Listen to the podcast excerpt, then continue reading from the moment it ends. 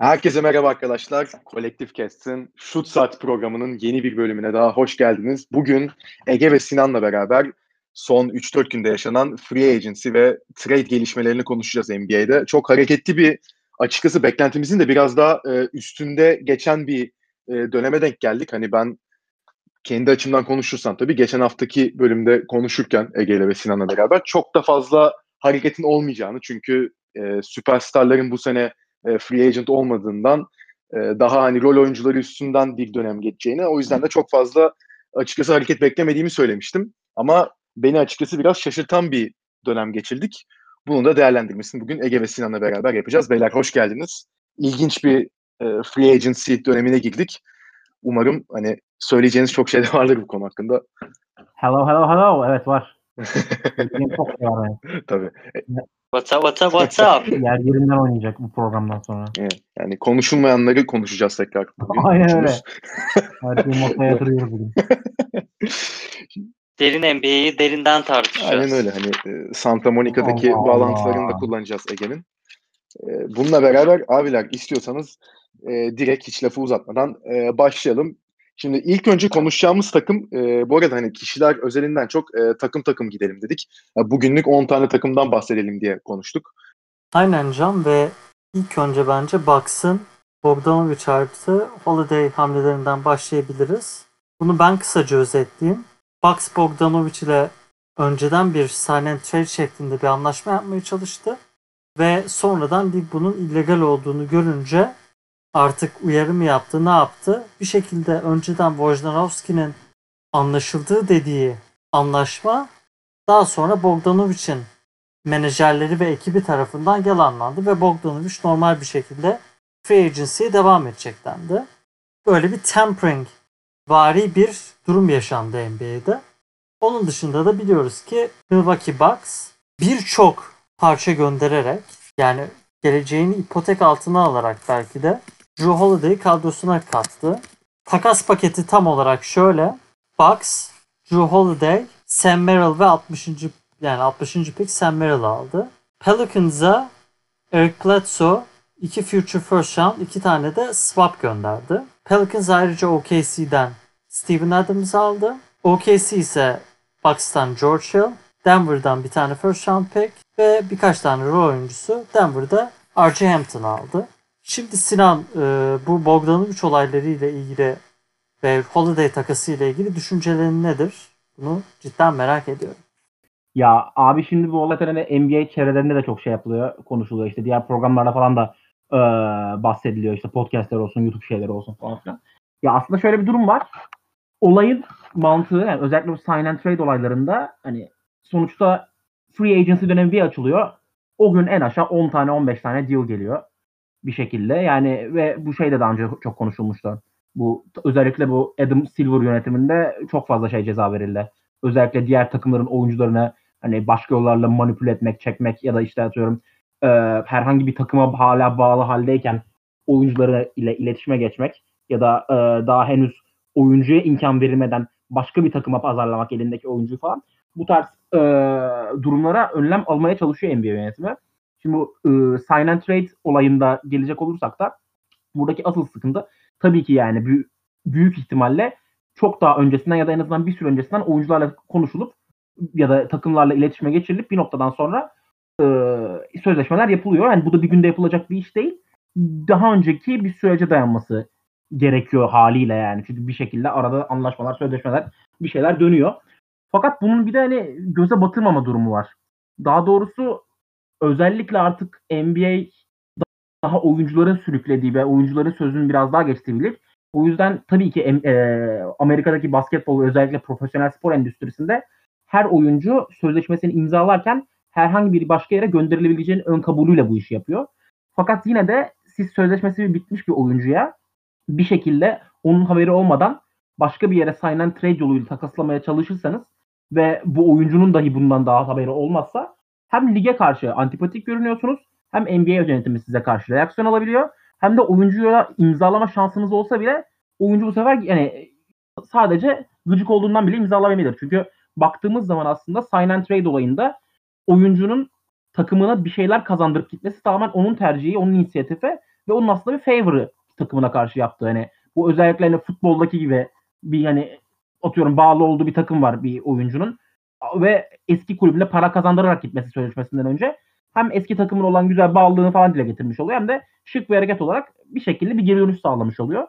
Mesela Jimmy Butler Miami'ye giderken Josh Richardson'ı da e, yine karşı tarafa Philadelphia'ya gitmesini sağlamıştı sign and trade yoluyla. E, mesela Gordon Hayward zaten ilerleyen dakikalarda konuşuruz ama bunu yapmamayı tercih etti. Gordon Hayward da sign and trade yoluyla aslında bir şey bırakabilirdi. Bu Bogdan Bogdanovic olayına durumuna e, gelecek olursak da bir şekilde daha önce de haber sızdırıldı. Hani free agency periyodu başlamadan sızdırıldı. Eğer son gün hani başlangıç gününde bu şey bu tarz bir şey olsa yine en azından daha tolere edilebilirdi. Ama hani NBA, Bucks yönetiminin çok ciddi bir amatörlüğü burada söz konusu ve onlara da pahalıya patladı. Hem Bogdan Bogdanovic gibi takımın sistemine yani aslında bu sürekli bahsetmiş olduğumuz topla yönle, topu yönlendirebilen, topla oynayabilen ve şut tehdidi olan yaratıcı oyuncu ve son dakikalarda inisiyatif alabilen oyuncu özelliği çok cuk yani cuk oturuyordu Bucks'ın profiline. Tam aradığı özellikle bir oyuncuydu. Ve o fiyata alabilecekleri de ıı, ilerleyen dönemde de baktığımız aslında her ne kadar bir sonraki sene free agency e, çok daha dolu olmasına rağmen yine Bogdan Bogdanovic tarzı bir oyuncu, Bucks sistemine cuk oturacak bir oyuncu kolay bulunamazdı. Hem takımı dolduramamış oldular. Önümüzdeki sene Yanis'i ellerinde tutmak için o, ona Yanis'in eline pozitif bir koz verememiş oldular. Hem de aslında organizasyon olarak çok amatör hatalara düşebileceklerini izlenim verdiler. Ve bu Yanis gibi profesyonel bir oyuncu için her ne kadar Milwaukee'ye gönül bağıyla bağlı ol, olsa da hiç hoş bir izlenim değil. Yani yine tabii başka hamleler yaptılar mesela. Bobby Portis iyi, iyi bir hamle. Pat Connaughton altılar falan. Ee, yani bir şeyler yapmaya çalışıyor Bucks aslında baktığımız zaman. Ama yani takım olarak ve organizasyon olarak hiçbir izlenim veremediler bu işi batırarak. Artı Juriol dediler tabii. Onu da e, ekleyeyim. Zaten o kısmına da e, Ege değinir diye düşünüyorum. Aynen öyle. Zaten gelmek istediğim nokta oydu benim de. Yani e, senin özellikle dediğin tabii hani topu yönlendirebilecek yani hem kendi şutunu yaratabilecek hem de kritik zamanlarda e, sorumluluk alıp takımdaki o eksiği de giderebilecek bir oyuncu e, potansiyelinde ve kalibresindeydi Bogdan Bogdanovic. Tabii onu alamaması Bucks'ın e, mutlaka belli sıkıntılar yaşatacaktır Ege zaten sen de ona değinirsin. Ama tabii bir de Drew Holiday hamlesine e, değinmeni isteyeceğim senden Milwaukee'nin. Hani yani Eric Bledsoe sonuçta ayrılmış oldu. E, bu takasla beraber Eric Bledsoe'da e, yani dört takımlı bir takas yapıldı tabii burada. Hani e, zaten takasın e, diğer tarafındaki takımları da işte Pelicans, Denver ve Oklahoma bunları da zaten değineceğiz ama e, yani Drew Holiday'i e, bu takas sayesinde sonrasında daha doğrusu Milwaukee kadrosuna katmış oldu ama tabii biraz e, fazla aset vermiş gibi gözüküyorlar. Yani senden şimdi e, hani hem Drew Holiday'in Milwaukee'ye katacakları e, ekseninde hem de yani sence biraz fazla mı aset verdiler? Ve bu Bogdan Bogdanovic konusundaki e, sıkıntıları sence Yanis'e yani daha doğrusu Yanis sıkıntı etmiş midir veya aşılabilecek şeyler mi? Onun hakkında yorumlarını bekliyoruz. Ee, şimdi Can ilk önce Holiday takasına değinmek lazım. Çünkü bu playofflar gösterdi ki hani Eric Bledsoe'nun ana guard olduğu bir takımın finale çıkma şansı çok yüksek değil. Onun özellikle playofflarda kolay durdurulabilen ve performansı düşen bir oyuncu izlenimi verdiği görüldü ve bu sebepten ötürü bir değişiklik yapması gerekiyordu Bucks'ın ve Holiday de aslında Bucks için iyi bir fit. Yani savunması güçlü. İkinci, üçüncü e, hücum opsiyonu olarak iyi iş yapar. Ve özellikle de e, Advanced Analytic kısmında çok sevilen işte ligin en iyi savunmacı guardlarından biri yani. Gerçekten. Bucks'a büyük artı değer katacaktır. Ama tabii verilen draft hakları ve pick swaplar gerçekten yani bir süperstar böyle ilk 15'teki bir oyuncu için takas edilecek miktardaki pickler. Ama Holiday yani ilk 30'a bile girer mi? NBA'nin en iyi oyuncusu olarak hani şüpheli. Konuşulabilir yani bu konu. O yüzden Bucks da yine e, geçen sene Clippers'ın yaptığı gibi hani Yanis'i tutmak adına biraz overpay ettiler. Ve bu, bu olay sonrasında da işte o Bogdanovic skandalı oldu. Ve aslında Bogdanovic artı Holiday onları gerçekten e, ciddi bir rakip yapardı Lakers için. Özellikle Bogdanovic'in de yine biraz top taşıyıcılığı, pasörlüğü, skorerliği yani o yönlerini de bu takıma iyi entegre olma ihtimali vardı. Belki Brogdon'ın sene önce oynadığı role benzer bir şey yapabilirdi. Daha az oyun kuruculuk ama yine e, o şekilde böyle 13-15 sayı işte gerektiği zaman hücumu yönlendire, yönlendirebilecek oyuncu olarak. Ama sonuç itibariyle işte dediğin gibi Portis, e, Tory Craig ve diğer yaptıkları ufak tefek hamleler e, şimdilik hani kötü gözükmüyor. Yani en azından hani bir Bogdanovic değiller ama Bucks'ine seneye de iyi olacaktır. Bu olay Yannis'in kalma isteğini etkiledi mi dersiniz hani Bogdanovic olayı? Bence etkilemedi. Çünkü Yannis her türlü o kontratı imzalayacaktır. Hani finansal açıdan imzalamaması çok mantıksız olur. Hani salary cap'in olacağını hiç sanmıyorum. Hani memnun kalmazsa da bir iki seneye Bucks'a takas olmak istediğini söyler. Zaten ederler onu. Ben de gelecekte hani Yannis'in ne yapacağını merak ediyorum ama bence parayı alacaktır. Yani çünkü gerçekten 50 milyon dolar gibi bir fark var. Hani onu sonradan toparlar diye düşünüyor olsak bile hiç belli olmaz ve genelde e, garanti paraya giderler. Yani LeBron'un istisnai bir durumu vardı veya Durant'ın. Onlar çünkü ilk takımlarıyla öyle yapmadılar. Yani sonradan gittikleri takımlarda esneklikleri olsun diye yaptılar. Ama Yannis'in durumu farklı bence ve şimdilik Bucks'ta kalacağını düşünüyorum. Yani tabii hani onu seneye yazın göreceğiz. Tabii Miami ve Dallas e, cephelerinin de Yannis'in 2021'de boşa çıkıp e, kendileriyle imzalamalarını bekleyecek. O tabii hani seneye baya büyük e, tartışmalar getirecek Yanis e, nereyle imzalayacak konusu. Onu da tabii merakla bekliyoruz. E, beyler istiyorsanız çok kısa bir drafttan da bahsedelim hazır takılmadan e, konuşmaya başlamışken. E, yani geçen hafta açıkçası geçen bölümde Sinan e, biraz bahsetmişti e, draft projectionlarından ve e, yani ilk üçün belli olduğunu ama hani tabii sıralamalarının belli olmadığını, hani takımların e, son günlerde e, daha çok kimi seçeceğine karar vereceğinden bahsetmiştik. E, bir numaradan Minnesota Anthony Edwards'ı seçti. İki numaradan Golden State e, James Wiseman'ı seçti. Üç numaradan da Charlotte Hornets. Yani üçün yani bu üçlünün arasında Lamelo Ball'un da olması tabii ki bekleniyordu. Lamelo Ball da hani birinci mi seçilecek diye çok konuşulmuştu ama üç numaradan e, Charlotte'a gitmiş oldu. E, bununla beraber dörtten Chicago Patrick Williams'ı, beşten Cleveland Isaac Okoro'yu, altıdan Atlanta Onyeka Okongwu'yu seçti. Çok zor isimler var. 7'den Detroit'in Killian Hayes'i seçtiğini gördük. 8'den New York Knicks Obi Topin'i seçti. Kendisi de bayağı bir ağladı seçildikten sonra. E, 9'dan Washington Wizards'ın Deni Avdia'yı seçtiğini gördük. Ondan da Jalen Smith Phoenix Suns'a gitti. Ee, Sinan istiyorsan senden kısa bir draft değerlendirmesi de alalım. Hani çok beklentilerin dışında bir şey oldu mu? Ee, özellikle e, Anthony Edwards hamlesi çok konuşuldu e, Minnesota'nın hani oyun planlarına uyacak mı uymayacak mı diye. E, doğru seçimi yaptılar ne düşünüyorsun? Bunlar hakkında ufak bir değerlendirme alalım senden. Ya şöyle çok şaşıran şey beni özellikle ilk üç draft seçimi açısından olmadı. Yani Anthony Edwards'ın açıkçası Minnesota'ya gitmesini bekliyorduk. Çünkü dediğim gibi hani LaMelo Ball bir numara oynuyor. Bir numarada D'Angelo Russell var. Beşte Carl Anthony Towns var. Orada da James Wiseman oynuyor yani. Bir şekilde Anthony Edwards oyun planlarını en azından e, en fazla oyun oyuncu. Kaldı ki mesela şey D'Angelo Russell kontaktan çok kaçıran bir oyuncu. Fiziksel kontaktan ve o yüzden hani, potaya direkt yürüyemeyen bir oyuncu. Anthony Edwards bunun tam tersi. İnanılmaz patlayıcı, inanılmaz atlet. Potanın dibinde çok iyi bitiren, şutu da olan, kanat açıklığı çok yüksek ve perimetrede de çok iyi savunan bir oyuncu. Aslında hani e, özellikleri bakımından Minnesota takımına cuk oturuyor.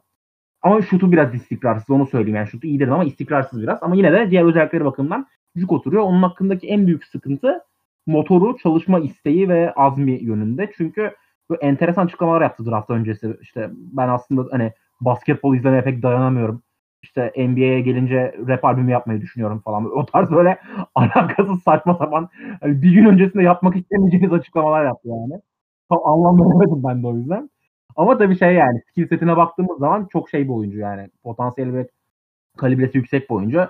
James Wiseman zaten 2'den gitti. İnanılmaz atlet. Yine çok büyük potansiyelle. Yani normal sezonda çok iş yapacak ve mutlaka birkaç defa All-Star seçilecek bir oyuncu olduğunu düşünüyorum ben. Ama onun hakkındaki asıl sıkıntı da artık playoff metasında çok fazla uymadığı. Çünkü çok atlet, çok mobil ama lateral anlamda çok mobil değil. Perimetre savunamıyor mesela. Ve dediğim gibi hani playoff savunmalarında drop 3 savunması yapabilecek bir oyuncu. Bir şekilde değişemez. O bakımdan e, çeşitli e, falsolar yaratabilir. Hele ki e, Golden State Warriors gibi zaten ileride konuşuruz ama Clay Thompson'ı kaybetmelerine rağmen e, Kelly Oubre hamlesiyle en azından playoff yarışında tutulmak istediğini e, anladığımız bir takım. O kadar lüks vergisi de ödeyecekler zaten. Onu, onları da konuşuruz. Lamela Ball, Charlotte Hornets'a bir şekilde bir kimlik verecek en başta. Yani ilk defa gerçekten e, konuşmaya değer sansasyonel bir draft seçimi yaptılar uzun süredir. O onun yani Michael Jordan da sonunda yani.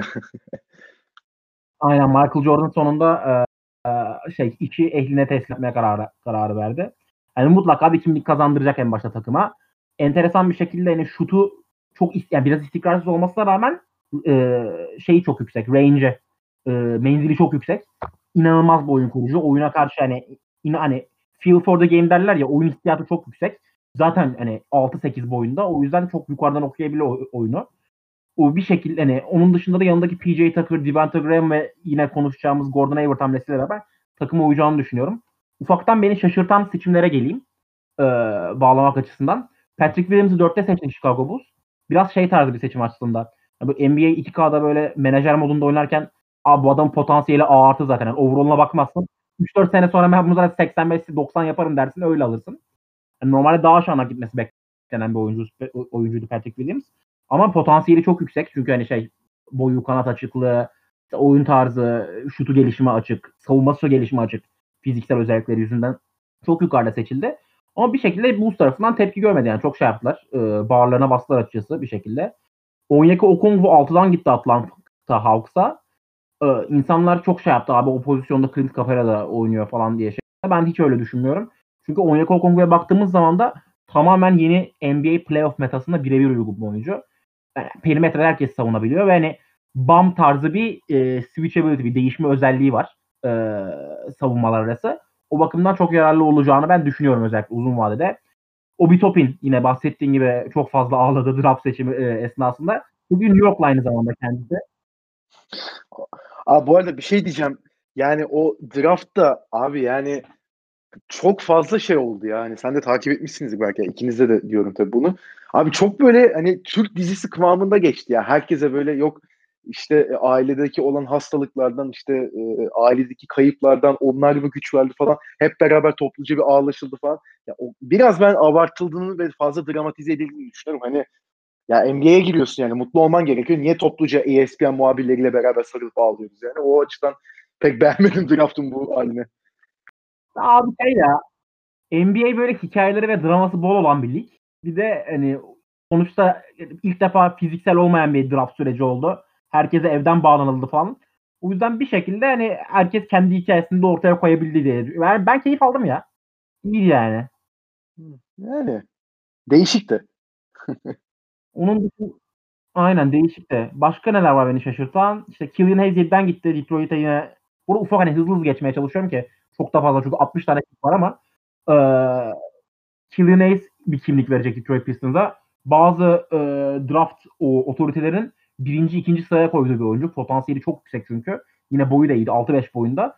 Ve çok hani pota etrafında ve perimetrede inanılmaz yaratıcı bir oyuncu.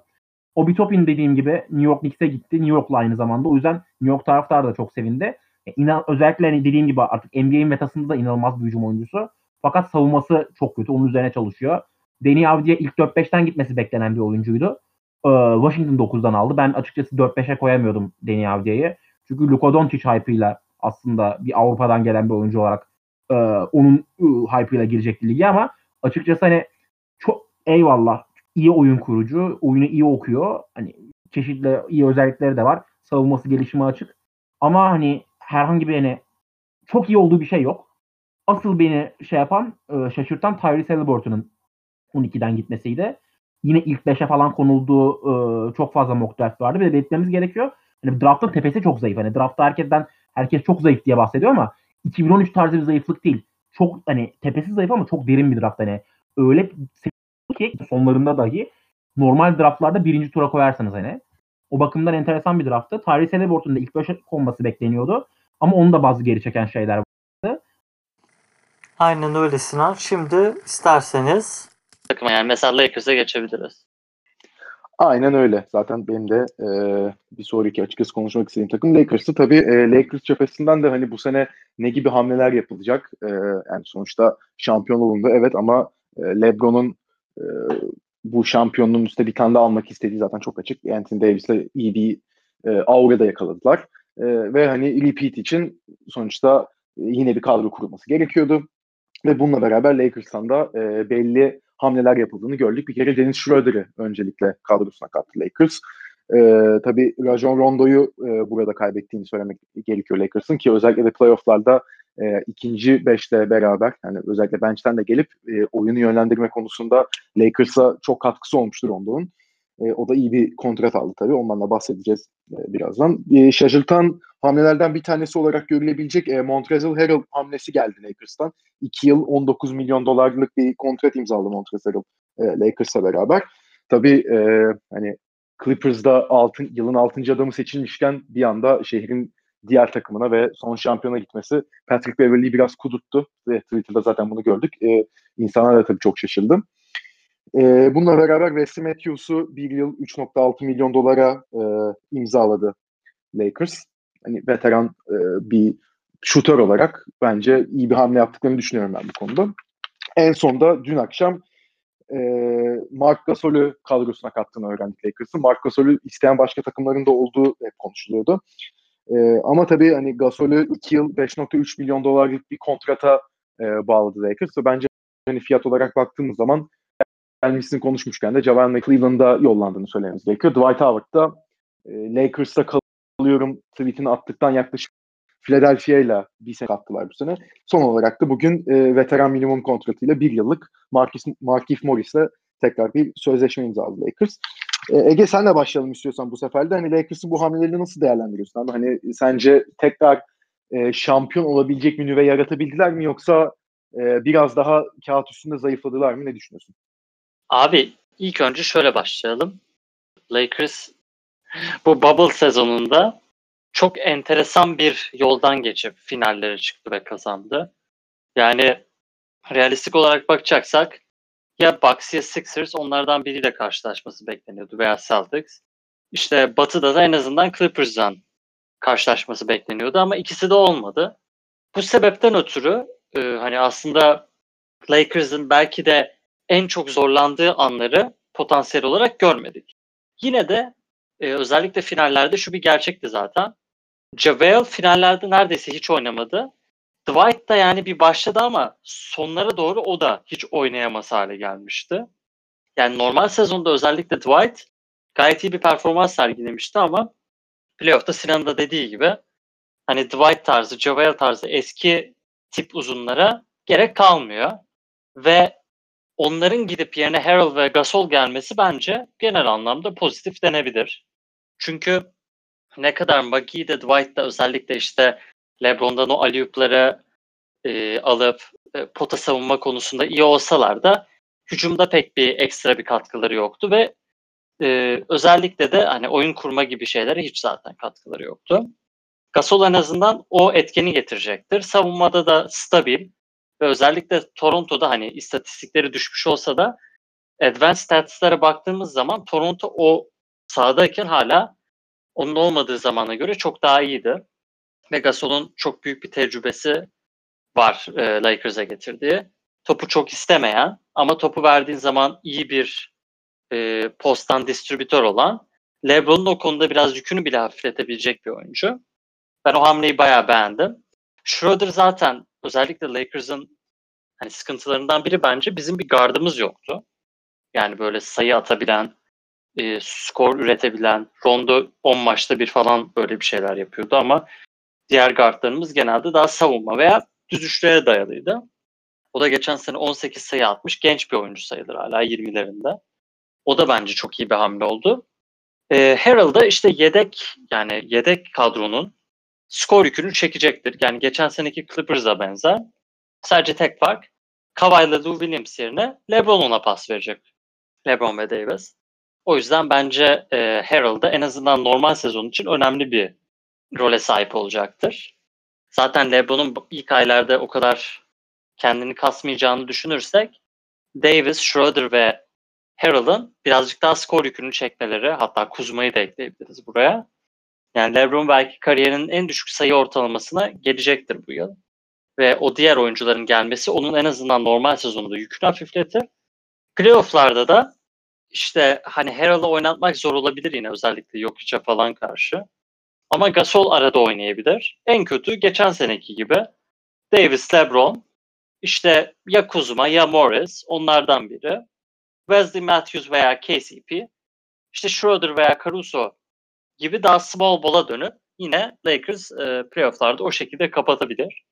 Bence özellikle Matthews hamlesi de çok underrated. Çünkü neredeyse Danny Green hatta belki Danny Green'den daha bile etkili. Ama ondan 12 milyon dolar daha az kazanıyor ve o parayı başka yerlere aktarma şansı oldu Lakers'ın. Yani ben genel olarak tabii Rondo, Danny Green, Bradley, gerçi Bradley oynamamıştı playofflarda. Javel, Howard onların gidişi iyi olmadı. Hatta en kötüsü hani J.R. Smith de Dion Waiters gitti. Yani onları nasıl replace edeceğiz onu düşünüyorum ama e, bir şekilde e, onların yeri de dolu. Yani Rondo'nun gidişi playofflar için belki biraz kötü oldu. Zaten normal sezonda kötüydü. E, Bradley de normal sezonda iyiydi ama playofflarda onsuz olabildiğini gördük. Green de genel olarak kötüydü. Ben o yüzden gidenlerden çok üzülmedim. Lakers'ın kadrosunu geliştirdiğini düşünüyorum. Can sen ne düşünüyorsun?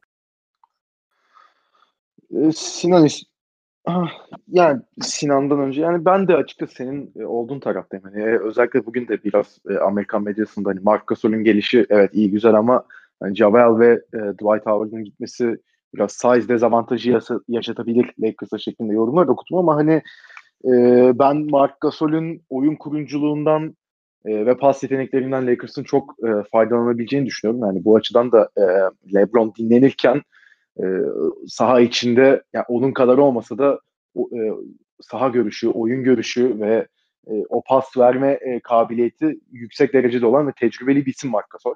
Sonuçta e, şampiyon da oldu e, Toronto ile beraber ve hani bunu göz önünde bulundurduğumuz zaman ben e, iyi bir iş yaptıklarını düşünüyorum Lakers'ın genel olarak ki diğer hamleler, yani Markif Morris'i tutmaları iyi bir hamle olarak gözükebilir.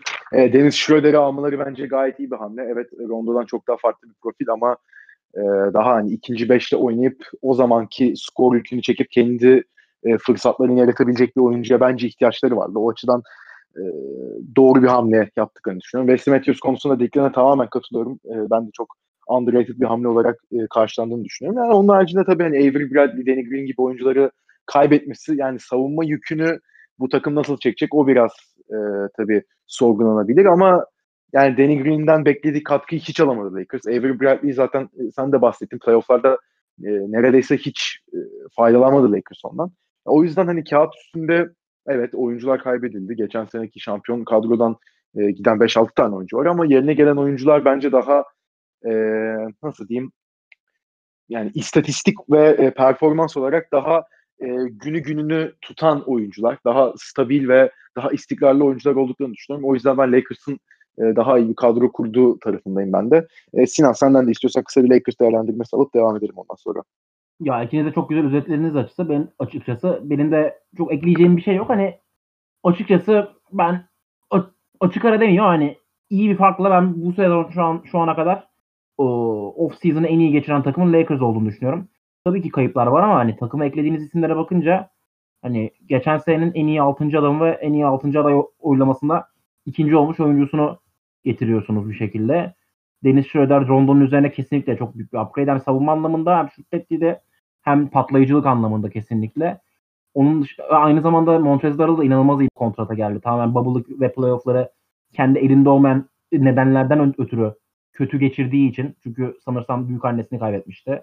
O bubble'a geç gelmişti falan. O tarz faktörler de onun açıkçası fiyat etiketini çok etkiledi ve buna rağmen bir şekilde hani bütçe planlaması dahilinde de çok iyi kurdu takımını.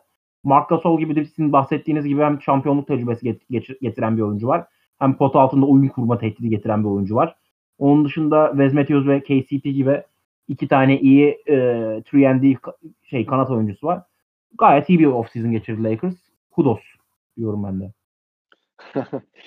yani kısa ve öz bir yorum oldu. Ben sevdim diyorum. e, abi istiyorsanız o zaman buradan çok kısa e, şehrin diğer tarafına gidip e, Clippers'a da e, konuşabiliriz biraz. Yani Clippers'ın tabii Montrezl Harrell'ı kaybetmesi zaten yani Lakers e, tarafında bunu konuştuk. E, bayağı bir üstüne e, yorum yapıldı. İşte Patrick Beverly'den bir e, tepki geldi. Hani nasıl olur gibi NBA çevrelerinde de ya ulan nasıl Lakers'a gider ya Clippers'da bu kadar hani e, ön plandaydı. Şey hani sesi de çok çıkıyordu nasıl olur diye. Ama tabii hani sonrasında e, Los Angeles Clippers'dan bir Serge Ibaka hamlesi geldi. Ve Ibaka ile de 2 yıl 19 milyon dolarlık bir e, kontrat imzalamış oldu. Yani açıkçası e, Montrezl verilen kontratla aynısı. Tabii ki hani Montrezl'ın e, en iyi 6. adam seçilmesi gibi bir durum e, söz konusu geçen sene ama yani özellikle de Ibaka'nın e, transferinden sonra hani Clippers'ın daha doğru bir e, yola gittiği hep e, konuşuldu. Yani özellikle de playofflarda Montrezl'ın e, eşleştiği oyunculara göre daha kısa kalması ve e, bu size dezavantajın yüzünden Montrezl'ın biraz daha ezilebileceği, Ibaka'nın e, size'ının çok daha iyi kullanabileceği ve Clippers'ın açıkçası açıklarını daha iyi kapatabileceği konusunda yorumlar yapıldı. E, Ibaka hamlesinden sonra tabii bir de Marcus Morris'le e, tekrar imzaladı Clippers ve 4 sene 64 milyon dolarlık bir e, sözleşme yaptılar Marcus Morris'le. Yani ben Marcus Morris'ten nefret ettiğimi daha önce burada söylemiştim. Aldığı her kuruş haram zıkkım olsun. Bunu tekrarlayacağım buradan. E, Sinan bu sefer de istiyorsan senle başlayalım. Abi Clippers'ın hani mesaj yerine ulaşmıştır bence. Ya, umarım hani artık işte hani lafa bakarım adam söyleyene hani böyle bir laf vardı. Şu an ben de çok şey yapamadım kusura bakmayın ama abi e, Clippers'ın bu hamlelerini nasıl değerlendiriyorsun? Yani özellikle bu e, Harrell'ın gidip e, yerine Ibaka'nın gelmesi tabii çok ses getirdi. Hani sence onlar e, doğru bir yönde mi? Ya aslında doğru yöndeler bence. Çünkü hani artık NBA'yi konuşurken, e, NBA basketbolunu konuşurken bir playoff basketbolu ve normal sezon basketbolu olarak hakikaten çoğu zaman ayırmamız gerekiyor. Çünkü hani oyunlarda çok kullanılan bir kavramdır meta olayı. Yani üst seviyede mücadele ve üst seviyede oyun kurulumu ve dizilimi, pozisyonlanma, konuşlanma bu tarz şeyler e, iki farklı aspektinde e, ligin çok fazla değişiyor. Şimdi playoff meta, metasına geçtiğimiz zaman playoff metası özellikle playoff kon, e, şampiyonluk e, adaylığında yüksek sıralardaki takımlar için çok fazla önemli. Çünkü bu tarz takımların zaten tabanı belli yani. Ama tavan onları nereye kadar çıkarıyor? Oyuncular onları tavanı ne kadar yükseltiyor? O biraz önemli. Şimdi baktığımız zaman tabii Lakers için Montrezl Harrell hamlesi gayet güzel ve önemli. Özellikle kontratına baktığımız zaman. Ama şimdi aynı kontrata siz Serge Ibaka'yı getirebiliyorsanız bir playoff metasına çok daha uygun bir oyuncu. Hem şut tehdidi var. İnanılmaz bir pot altı savunmacısı zaten onu ta- yani tanıyoruz Serge Ibaka'yı. Ve şampiyonluk tecrübesi getiriyor. E, tüm bu özelliklerinin yanında.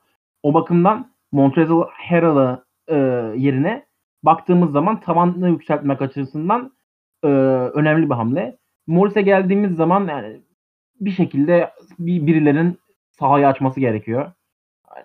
O da hem savunma hem şut kombinasyonu bakımından açıkçası özellikle ligin şu aşamasında daha doğrusu e, 2020 e, serbest oyuncu piyasası içindeyim. Allah, çok daha iyi bir alternatif var mıydı Clippers'ın? Yoktu. Jamal Green'i kaybettiler. Ee, yanlış hatırlamıyorsam.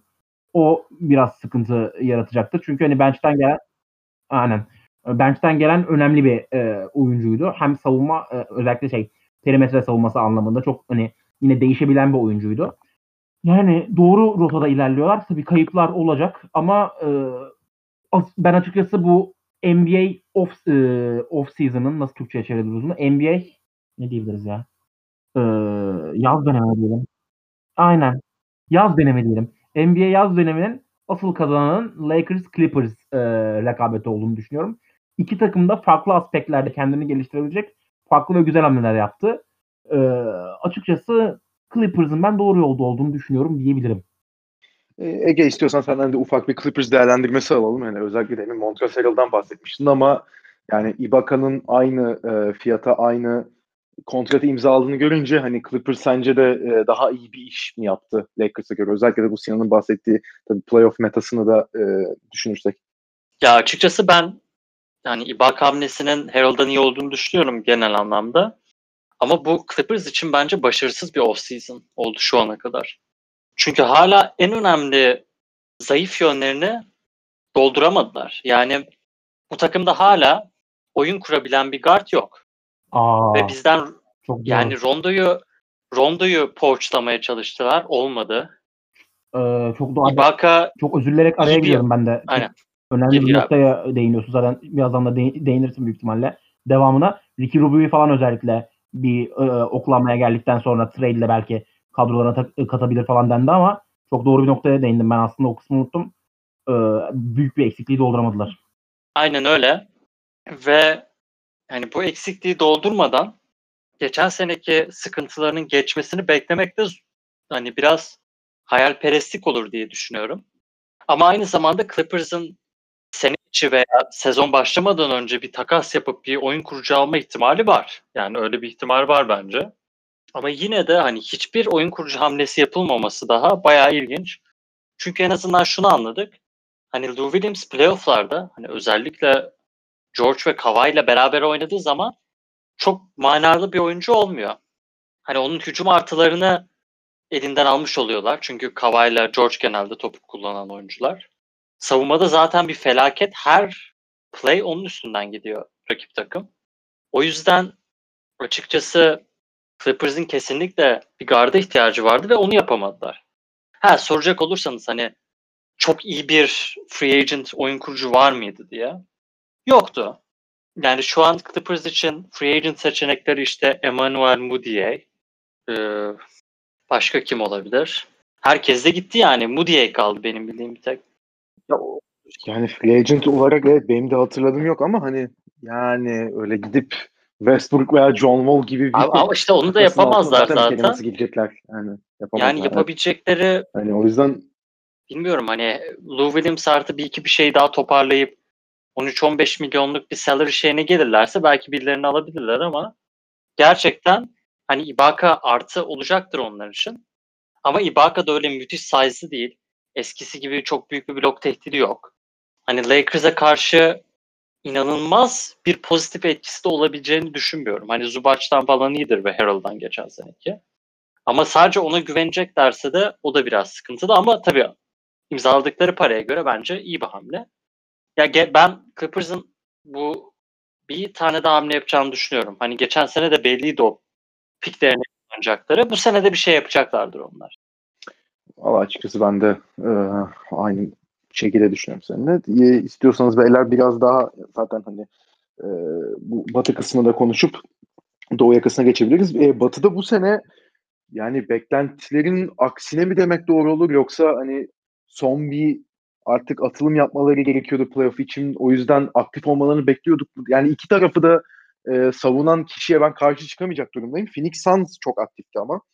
E, Phoenix Suns'ın öncelikle e, Chris Paul'u e, takasla kadrosuna kattığını söylemek gerekiyoruz. Gerekiyor. E, yani bu takas tabii e, açıklanan ilk takaslardan bir tanesiydi ve bayağı da ses getirdi.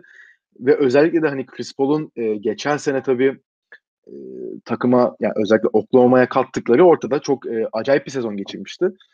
E, ve hep Phoenix Suns'ın e, Phoenix'in de e, bu hani playoff yapabilmek için hani ki oyunlarını bir adım üste taşımaları gerekiyordu ve bunun için de saha içindeki oyunu koordine edecek bir garda ihtiyacı olduğundan hep konuşuluyordu. Özellikle 3-4 senedir. Geçen sene Rubio ile açıkçası bunu biraz başardılar ama yani elinizde hani bir seçenek varsa yani biri Rubio, diğeri Chris Paul'sa yani 58 yaşında da olsa Chris Paul'u seçer. Kafası yerinde çalışan bir insan. O yüzden çok çok doğru bir hamle yaptıklarını düşünüyorum. Tabii bu e, takas sonucunda Kelly Oubre Jr., e, Ricky Rubio ikilisini kaybettiler. Ya bununla beraber Ty Jerome ve Jalen bilmem ne tam soyadını okuyamıyorum. E, o oyuncuyu kaybettiler. Bir de 2022 e, first round e, picklerini verdiler. Ama tabii hani Chris Paul hamlesi dediğim gibi Phoenix açısından e, çok olumlu karşılanan bir hamle olarak gözüktü ve e, bayağı da bir ses getirdi.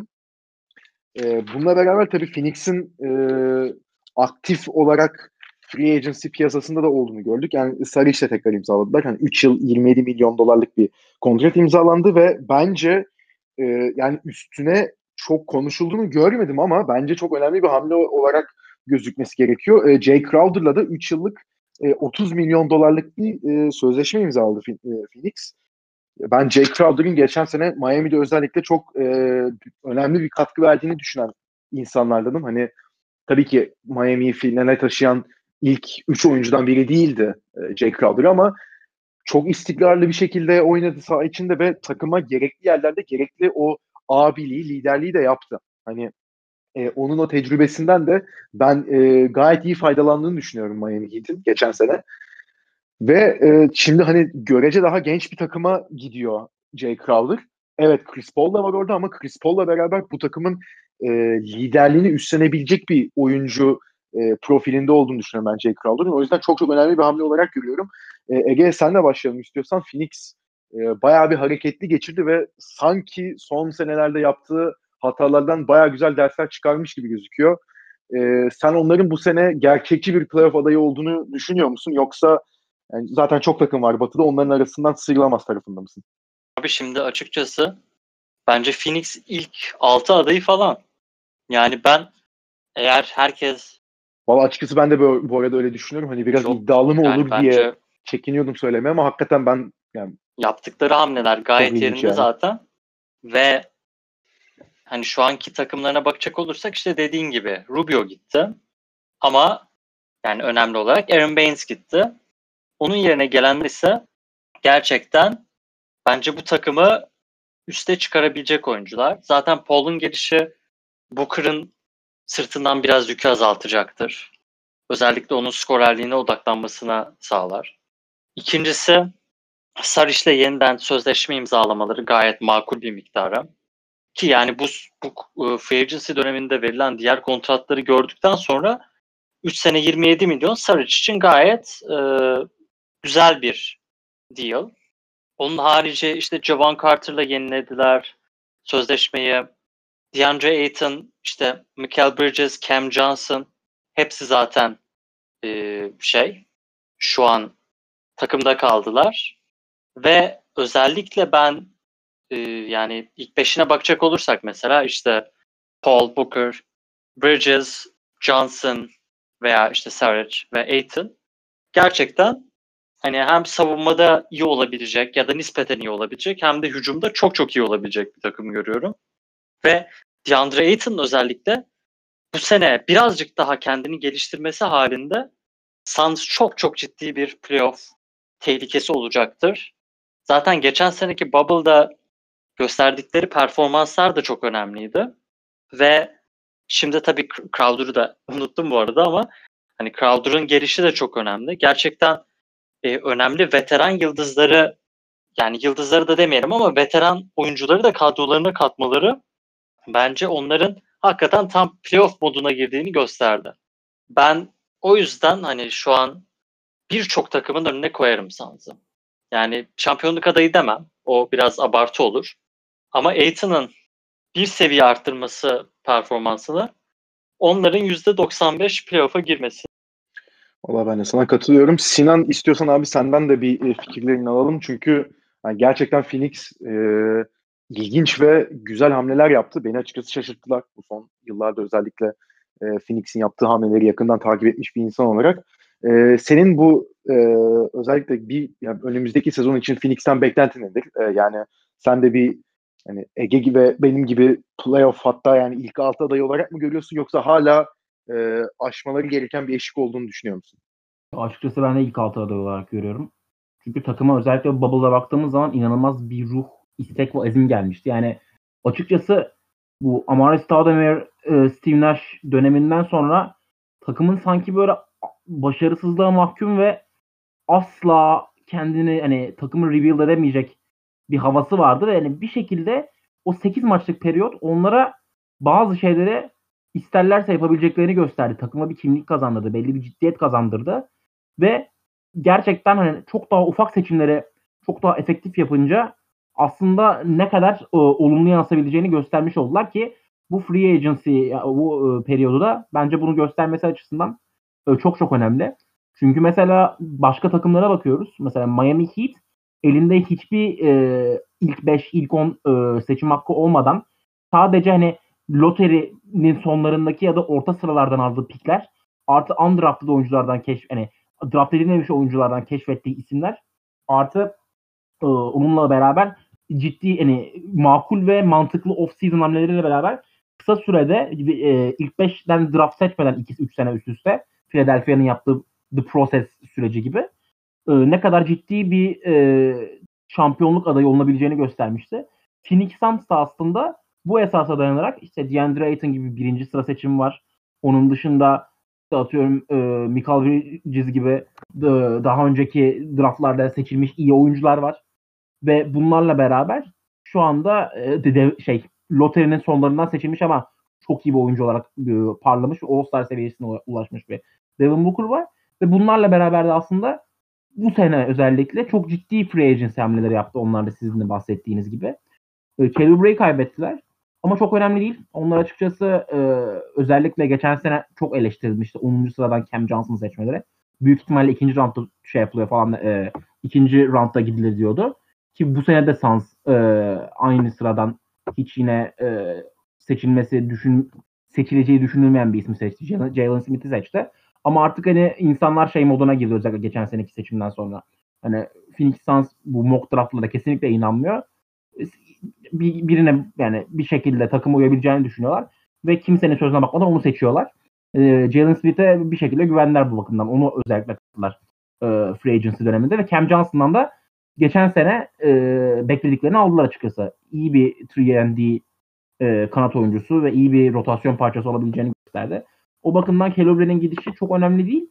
Jay Crowder'ın gidişi çok önemli. Çünkü e, geçen sene özellikle Miami Heat'in şampiyonluk yarışı esnasında zaten çok iyi bir savunmacı olduğu biliniyordu. Şut da attığı biliniyordu ama gerçekten 3 formatının en önemli örneklerinden biri haline geldi. Çünkü yüksek volümlü e, ve e, yüksek oranda e, bir şut attı. Çok iyi bir savunmacıydı ve e, canında bahsettiği gibi liderlik özelliğinde takıma abiliğinde sahaya koymuş oldu. Aaron Baines'i kaybettiler. Olsun çok sıkıntı değil. Chris Paul'u aldılar. İnanılmaz bir hamle.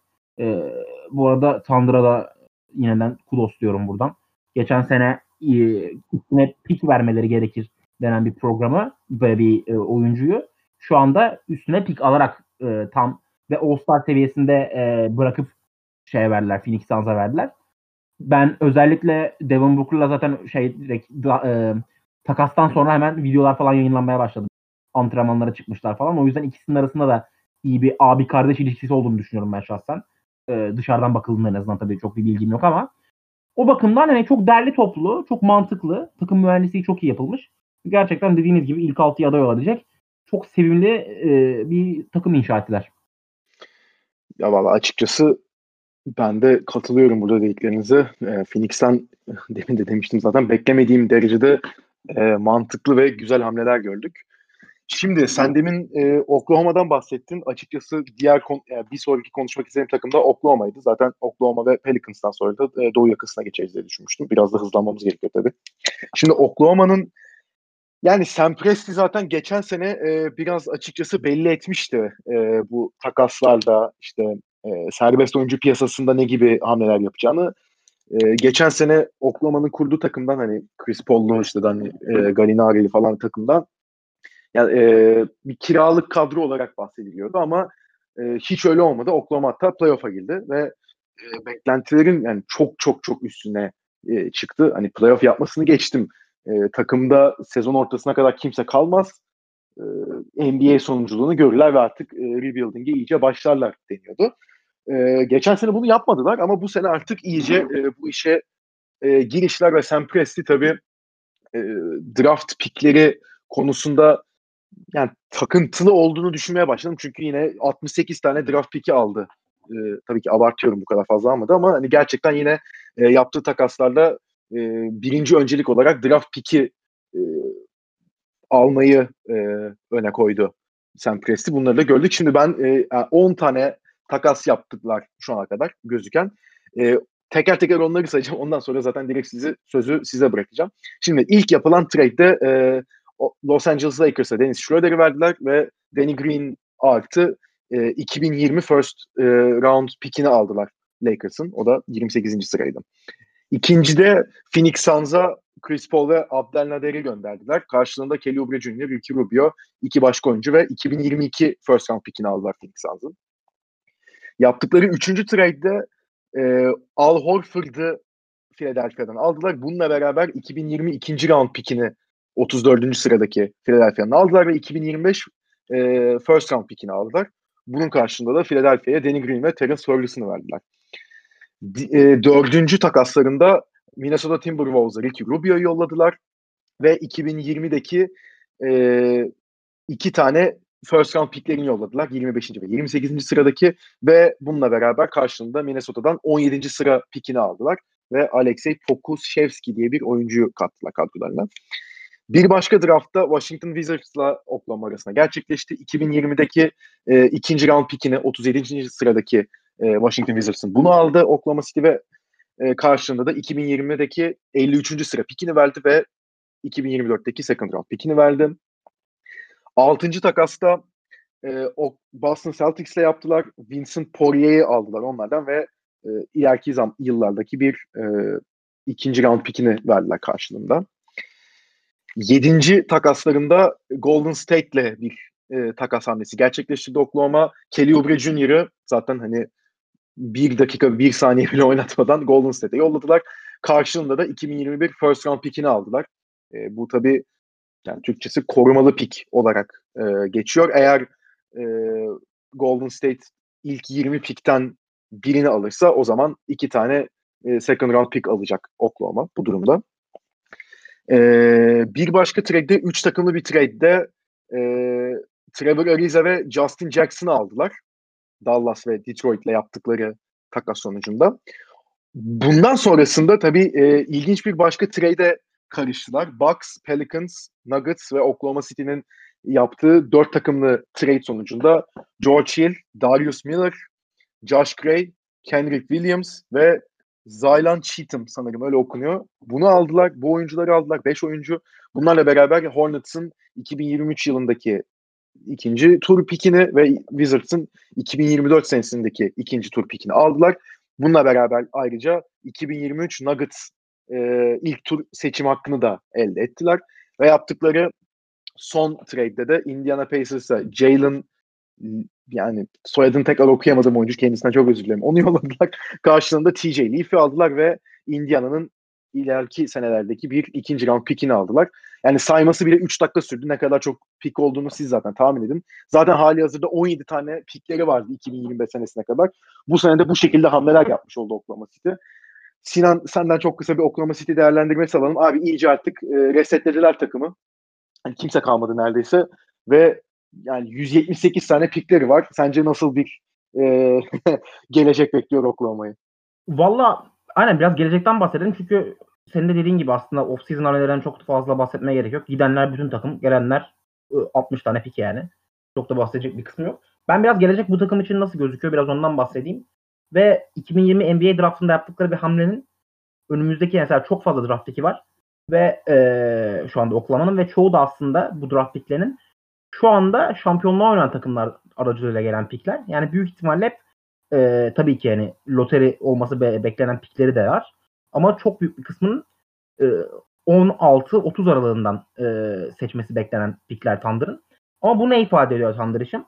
Ya en baştan şunu söyleyeyim. Tam e, draftta eğer akıllı oynarsanız altlardan seçseniz bile inanılmaz oyuncular çıkartabiliyorsunuz. Yani. Spurs bunun çok büyük bir örneği. E, John Murray, Jimmy Butler, Derek White bunlar hep 28-30 aralığından gitti diye hatırlıyorum ben. Onun dışında Kawhi Leonard'ı almışlardı. Onu da George Liber'e kalmışlardı zamanında. Yani draft takibini iyi yaparsanız alt sıralardan oyuncu seçmeyi iyi becerirseniz Tony Parker da aynı şekilde 28. sıradan gitmişti. Onu da belirteyim. Yine Ginobili ile 57 ya da 58 olması lazım. Ee, şampiyonla oynarken de çok fazla hani Spurs örneği özellikle çok bariz. Şampiyonla oynarken bile kendini yeniden yapılandırabilirsin ki Oklahoma şu an tamamen kendini yapılandırma derdinde. Ya oradan oyuncular seçebilirsin ya da şu an bu draftta yaptığı şey yapabilirsin Oklahoma'nın. Poku gibi oyuncuları oynayabilirsin. Ben biraz bu seneki seçiminden bahsedeyim Oklahoma'nın. Poku'dan. Şu draft çevrelerinde Poku diye biliniyor. Alexey Pokushevski e, oyuncumuzun tam adı. Yunanistan ikinci liginde oynuyor. Aynen. Yunanistan ikinci liginde oynuyor.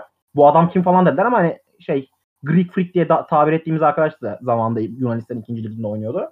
Çok ilginç bir örnek bu adam. Ve hani özellikle e, çok fazla şey diye bahsediliyor. Ben de birkaç tane maçını izleme fırsatı buldum. Bir, yani ilk All-Star olan oyuncu da olabilir bu draft class'tan. İlk ligi terk eden de olabilir. Çünkü inanılmaz bir hani şu ana kadar görülmemiş bir skill seti var. Hiçbir oyuncu komparasını yok başka e, değerlendirme, değerlendirilebileceği. Guard gibi hareket ediyor. Guard gibi koşuyor. Topu, rebound'dan topu alıyor. Fast break tamamen kendi yönlendiriyor. Girip kendi de bitir, bitirebiliyor. Çok fazla bitiremiyor gerçi çünkü inanılmaz ince bir vücudu var. Fakat e, işte e, zaten bu sebepten ötürü NBA'deki geleceği belirsiz. Çok fazla kilo alması ve bir şekilde e, uzunlara karşısında en azından durabilmesi gerekiyor. Ama guard gibi savunuyor, guard gibi şut atıyor ve perimetrede de guard gibi hareket ediyor. Yani mesela James Wiseman'dan bahsederken hani ona da mo- çok mobil e, diyoruz ama lateral hareketinde sıkıntı var demiştik. Yani Pokuševski gerçekten inanılmaz yaratıcı, inanılmaz dribble edebilen, çok yetenekli ve gerçekten hani 7-0 boyunda bir guard diyebiliriz onun için. Ama tabii guard oynayamıyor çünkü bir şekilde bu tarz oyuncuların ağırlık merkezi çok yüksek. Ee, ve o yüzden ötürü top kaybetmeye çok meyilliler. Ama gerçekten NBA'ye yakın bir fiziğe gele- gelebilirse önümüzdeki iki sene içerisinde ilk All-Star seçilen oyuncu da olabilir. Bunu zaten hani çok fazla yazan e, draft insider'lar da oldu. Ama yani asıl bahsetmek istediğim nokta şu burada. Pokuševski'yi almak için Oklahoma City Thunder iki tane pikini verdi bu draftta bulunan. Bir tane de gelecek pikini verdi ve bunlar hep alt sıralardaki piklerde. 25-28 artı önümüzdeki sen- senelerden birinde bir ikinci round olması lazım. Tam hatırlamıyorum ama bu tarz bir pakette. Yani aslında yani draft pick dediğiniz şey NBA'in para birimi ve siz bir şekilde pikleri birleştirebilerek işte atıyorum gelecek pikleri ekleyebilerek araya bir iki tane rol oyuncusu vererek işte cash consideration dediğimiz ufak para transferleri işin içinde, içinde sağlayarak piklerinizi birleştirip yukarı da çıkabiliyorsunuz. O yüzden pikin ben kesinlikle iyisini kötüsünün olacağını zannetmiyorum. Ve zaten o kadar yüksek sayıda pik elde etti ki Oklahoma City Thunder. İlla ki bu yapılanmanın ben bir şekilde son, mutlu sonla ereceğine inanıyorum. Shai Gilgis Alexander var zaten aynı şekilde. Geçen sene güçlüğünü kesinlikle ispat ettiğini düşünüyorum ben. Yani ben Oklahoma City Thunder'ın geleceğini çok parlak olduğunu düşünüyorum. Özellikle e, Sam Presti gibi üstad başlarında varken. E, yani ben çok vizyoner görüyorum açıkçası yaptığı hamlede. Bu şekilde diyebileceklerim. Pa- gelecek parlak. Ege senden de ufak bir e, Oklahoma değerlendirmesi alalım istiyorsan. Sen Sinan zaten e, detaylıca anlattı. Hani sen e, gelecek için yaptıkları bu hamleleri doğru buluyor musun yoksa sen Presti biraz abarttı mı? Hani sen ne düşünüyorsun bu konuda? Abi bu hamleleri NBA'de yapabilecek sadece birkaç GM var. Çünkü Presti de biliyor ki onun kovulma ihtimali yok. Yani bu takım için yaptığı bütün her şey sonrasında onun kovulma ihtimali yok. Yani R.C. Buford gibi onun da durumu şu an. O yüzden hani The Process modelini alıp özellikle hani siz bahsettiniz zaten yaptığı takaslardan. Sadece şunu söylemek istiyorum. 2007'de işte şey 2020'de hem kendi pik, şey hem Nuggets'ın hem de Lakers'ın piki vardı onlarda. İşte onu takas ettiler. Sonra seneye kendi first round pickleri, Miami'nin first round picki ve Houston'la da pick swap yapabiliyorlar. 2022'de Clippers kendileri ve Suns'ın pickleri var. 23'te kendi ve Heat'in bir de Clippers'da pick swap var. 2024'te kendilerinin Clippers'ın ve Houston'ın pick'i var. 2026'da da aynı şekilde kendilerinin Clippers'ın ve Houston'ın. Özellikle 24 ve 26 olanlar yani bana deseler ki 2026'da Clippers hala iyi olur mu veya Houston muhtemelen olmayacaklar. O aralar bir de iyi bir drafta denk gelirlerse hani jenerasyonun süperstarlarını çıkartabilirler üst üste. Yani onların çok garip bir durumu var. Herhangi başka bir markette bir takım olsa o pikleri konsolide eder, yıldız alır dersiniz ama şimdi onların öyle bir şey yapma ihtimalleri de çok yok. Gelecek için çok ümit veren bir durumdalar ama şu anki takımları hani herhalde NBA'in seneye özellikle batıda kesin sonuncu olacaklar bence. Yüzde yüz yani. NBA'in en kötüsü olurlar mı? Ya birkaç rakipleri var o konuda. Ama yani gerçekten şu anki ilk beşleri mesela işte SGA, hani oynarsa George Hill, Grant Dort, Darius Baisley ve Al Horford gibi duruyor şu an itibariyle. Pek o yüzden e, bir kadroları olmayacak bu sene ama zaten şey taraftarların da gelemediği bir sene olarak sıkıntı olmayacaktır. Bence OKC çok çok iyi hamleler yaptı. Çoğunu da söğüşledi yani. Herkes söğüşledi. tabii hani o böyle değerlendirmek de mümkün tabii ki. Ee, o zaman çok ufak bir Pelicans'tan da bahsedelim ve ondan sonra da artık Batı yakasını kapatalım. Ee, Pelicans'ın da hamle olarak bu demin de e, OKC'den zaten yaptığı takaslardan bahsederken dört takımlı bir trade'den bahsetmiştim. E, Milwaukee Bucks'ın Drew Holiday'i aldı. Oklahoma'nın da işte George Hill, Darius Miller'ı ve e, üç tane piki aldı trade'de de. E, açıkçası yani New Orleans'ın e, bundan başka üç tane daha trade oldu ama onlar genellikle ikinci tur e, takasları şeklinde geçti. Bu e, dört takımlı yapılan takaslar ise e, ben kazananın çok net bir şekilde Pelicans olduğunu düşünüyorum. Çünkü Pelicans bu takas sonucunda Eric Bledsoe'yu, Steven Adams'ı ve Milwaukee'nin 2024, 2025, 2026, 2027 ilk tur e, seçim hakkını a, e, almış oldu. Tabii bunlarda şöyle bir durum var. 2025 ve 27 e, draft picklerini direkt aldı New Orleans. 24 ve 26'da ise pick swap hakkını aldı. Yani e, hangi takımın draft pick'i daha yüksekteyse o kalacak New Orleans'ta. Yani bayağı New şeyi Milwaukee'yi New Orleans soydu. Hani bahsetmiştik zaten Drew Holiday kısmında tam doğru bir e, hamle olarak görüyoruz diye ama yani New Orleans'ın bu takastan kesinlikle e, en karlı çıkan taraf olduğunu söylemek gerekiyor. Yani geçen seneki tabii e, Zion'lu oyuna işte e, Lonzo'nun e, genel durumunu düşündüğümüz zaman J.J. Redick de sonuçta duruyor hala. E, ve Brandon Ingram'ın bir anda seviye atlayıp All-Star olduğunu da göz önünde bulundurursak tabii Eric Bledsoe ve Steven Adams hamleleriyle e, Ege senden çok ufak bir değerlendirme alalım. Hani Phoenix Suns'ın e, playoff takımı olup olmayacağından bahsettik ama hani New Orleans'a bence çok önemli iki oyuncuyu kadrosuna kattı ve bence yani Eric Bledsoe'yu her ne kadar Bucks'tayken eleştiriyor olsak da bence burada kafası daha rahat bir şekilde oynayacak. Evet Drew Holiday'in e, kaybı mutlaka etkiler Pelicans'ı ama e, yani Drew Holiday'in de takım içindeki o liderlik konusunda sıkıntılar yaşadığını görmüştük Pelicans'da. E, bu hamlelerle sen Pelicans'ın e, playoff şansını nasıl görüyorsun? Hani sence onlar da istikrarlı bir takım olabilecekler mi? Yoksa e, yine ucundan playoff'u zorlayıp e, kaçıracaklar mı? Ne düşünüyorsun Ege? Ya açıkçası ben Pelicans hakkında yani Phoenix'e göre birazcık daha az umutluyum. Çünkü çok fazla sakatlık riski olan bir Zion var. Ayrıca Lonzo Bubble'da biraz kötüydü ve onların da Bledsoe ile uyumu biraz soru işareti kafamda. İkisi de hani öyle e, çok süper şut atan oyuncular değiller. Ve hani Lonzo ne kadar üçünü geliştirmiş olsa da o genelde hani catch and shoot gibi yapıyordu ve ikincil oyun kurucu gibi oynarken daha iyiydi. Şimdi hani Bledsoe, Lonzo, Ingram, Zion, Adams beşlisi şut konusunda biraz sınırlı olacaktır diye düşünüyorum.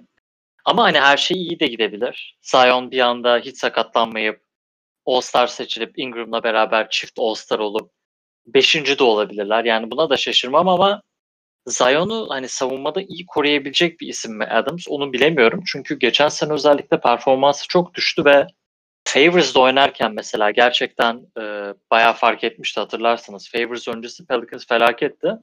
Sonrasında fena bir takım değillerdi. Hani bu sene o performansı gösterebilecekler mi tekrardan merak ediyorum. Ama takasla gerçekten inanılmaz asetler aldılar. O konuda çok başarılıydı Pelicans front office'i ve işte David Griffin. Bence ya Pelicans tabii ki playoff'u zorlar gibi duruyor şu an bir sakatlık olmazsa. Ama ben Phoenix'i birazcık daha garanti olarak görüyorum.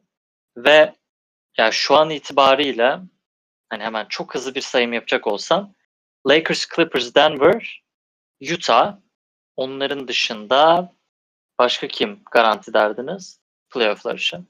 Yani bir sakatlık olmazsa. Portland muhtemelen girecektir. İşte Phoenix'i ben o kategoriye koyuyorum. Sonrasında da herhalde e, yani New Orleans'ın yarışacağı grup daha çok işte Sacramento. Belki Memphis ama onların da düşeceğini Memphis düşünüyorum. Zannetmiyorum. Konuşuruz sonra da. E, Golden State girebilir diye düşünüyorduk da belki yani Golden State de 7'den 8'den girebilir diye düşünüyorum ama sonuç itibariyle Pelicans bence hani hem Adams'ı yoktan yere aldılar. iyi oldu onlar için. Zaten salary cap'lerinde yer vardı. Ingram'la yenilecekler. Genel olarak fena bir takım kurmadılar. Ben Zion'u izlemeyi çok istiyorum seneye. Onu bayağı takip edeceğim. Yani tabii hani Pelicans nasıl bir durumda olacak o da gerçekten merak konusu hani senin dediklerinde düşündüğümüz zaman. Sinan senden de ufak bir değerlendirme alalım istiyorsan Pelicans hakkında. Ya açıkçası koça göre ben biraz daha optimistiyim. Hatta biraz hani, ciddi bir iddia olacak ama ben iki sene içerisinde bu takımın konferans finali dahi görebileceğini düşünüyorum. Bu takım için bence bu takımın tavanı çok yüksek. Bu takım için gökler anca e, sınır oluşturabilir. E, Steven Adams'ı aldılar. Yani Hani zaten sizlere program öncesi konuşurken sohbet esnasında beni hani cidden Steven Adams, e, Zion Williamson ikilisinin korkunç güçlü. Hani ligin zaten açık ara en güçlü ikisi olacaklar fiziksel kuvvet anlamında. Ve ben bunun karşı takımların nezerin, nazarında korkunç bir etki yaratabileceğini düşünüyorum. Özellikle e, Steven Adams'ın savunmada yaratacağı etki Zion'un asıl e, professional, asıl ilgi alanı olan hücumda insan yemek konusunda çok daha konsantre şekilde buna yoğunlaşabileceğini düşünüyorum. Onunla beraber Brandon Ingram geçen sene zaten All-Star olmuştu. KD Light diyebileceğimiz bir performans ortaya koymuştu. Oyununu 1-2 seviyeye daha yukarı koyarsa, bir seviye daha yukarı koyarsa diyelim. Ben e, koçun bahsetmiş olduğu şut problemine de en azından bir nebze iyi gelebileceğini düşünüyorum. Onun dışında Lonzo Bubble'da çok iyi değildi. Evet doğru ama yani Bubble'a onu bence tam baz alamayız açıkçası. Çünkü arada e, çok ciddi bir boşluk girdi. Korona ötürü lig iptal olunca. Ve takı oyuncular da çalışmakta çok zorlandı özellikle. O, ama ondan öncesinde gelinceye kadar e, yani lig devam ederken ligin son 15-20 maçında 15-5-5 ortalamalarla %40 mı 41 ile mi şut attı diye hatırlıyorum ben. E, yani tabii ki yani Lonzo için her zaman şutu bir sıkıntı olmuştu. Uzay için uzay benim için her zaman bir bilinmez olmuş. Bilim kurgu filmleri, romanları, Arthur C. Clarke, Tanrıların Arabaları. Yani her zaman için bir şeydi. Kötü bir şey. Ee, şutu çok istikrarsızdı bu adamın yani. O yüzden hani son 15-20 maçlık bir sample bunu görmek için yeterli midir bilmiyorum açıkçası.